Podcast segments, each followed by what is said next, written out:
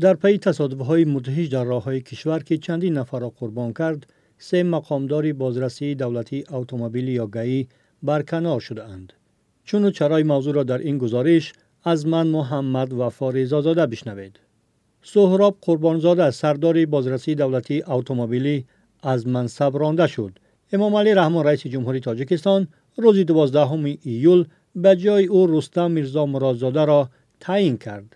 سرداری بازرسی دولتی اتومبیلی در شهر دوشنبه و رهبری واحدهای مخصوصی وزارت کارهای داخلی تاجیکستان در مسیر حرکت مهمانان مقام هم دیگر شدند. دفتر مطبوعات پرزیدنت با نشر خبرنامه گفت امام علی رحمان از حالتهای زیاد قانون شکنی ضمن اداره نقلیات با رقمهای قلبکی به رقم قید دولتی اطاعت نکردن به طلبات قاعده حرکت نگرانی کرده است. رئیس جمهور همچنین به تازه نمودن صف حیات شخصی بازرسی دولتی اتومبیلی دستور داده است.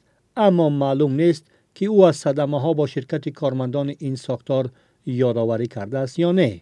در یک صدمه مدهی در شهر دوشنبه که روز 21 ایون باعث به مرگ چهار نفر از جمله طفلی سه ساله شد یک میار ملیسا را مسئول دانستند.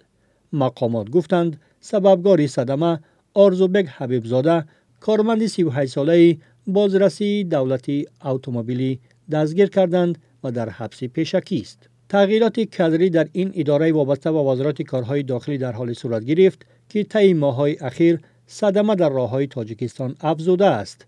تنها در حادثه دوم ایول در ناحیه فیضآباد 11 نفر به هلاکت رسیده، چهار کسی دیگر مجروح شدند. برخی از ساکنان صدمه ها را گناه رانندگان، دشواری راهها و فساد در بازرسی دولتی اتومبیلی رب دادند. این اداره نه تنها حرکت را در راه نظارت می کند بلکه به ساکنان شهادت نامه رانندگی نیز می دهد. رئیس جمهوری تاجیکستان در جلسه روز 12 ایول خواسته است تمام کارمندان بازرسی دولتی اتومبیلی را از اتستاسیا یا سنجش گذرانند. در همین روز سرداری ریاست کارهای داخلی در منطقه رشت را نیز دیگر کردند. برخی از صاحب نظران ضمن نگرانی از وقوع صدمه های پرتلفات می‌گویند جزا برای نقض قانون حرکت در راه باید سنگین تر شود برخی دیگر مشکل را در نظام دادن شهادتنامه رانندگی و جای داشتن فساد در این بخش می دانند.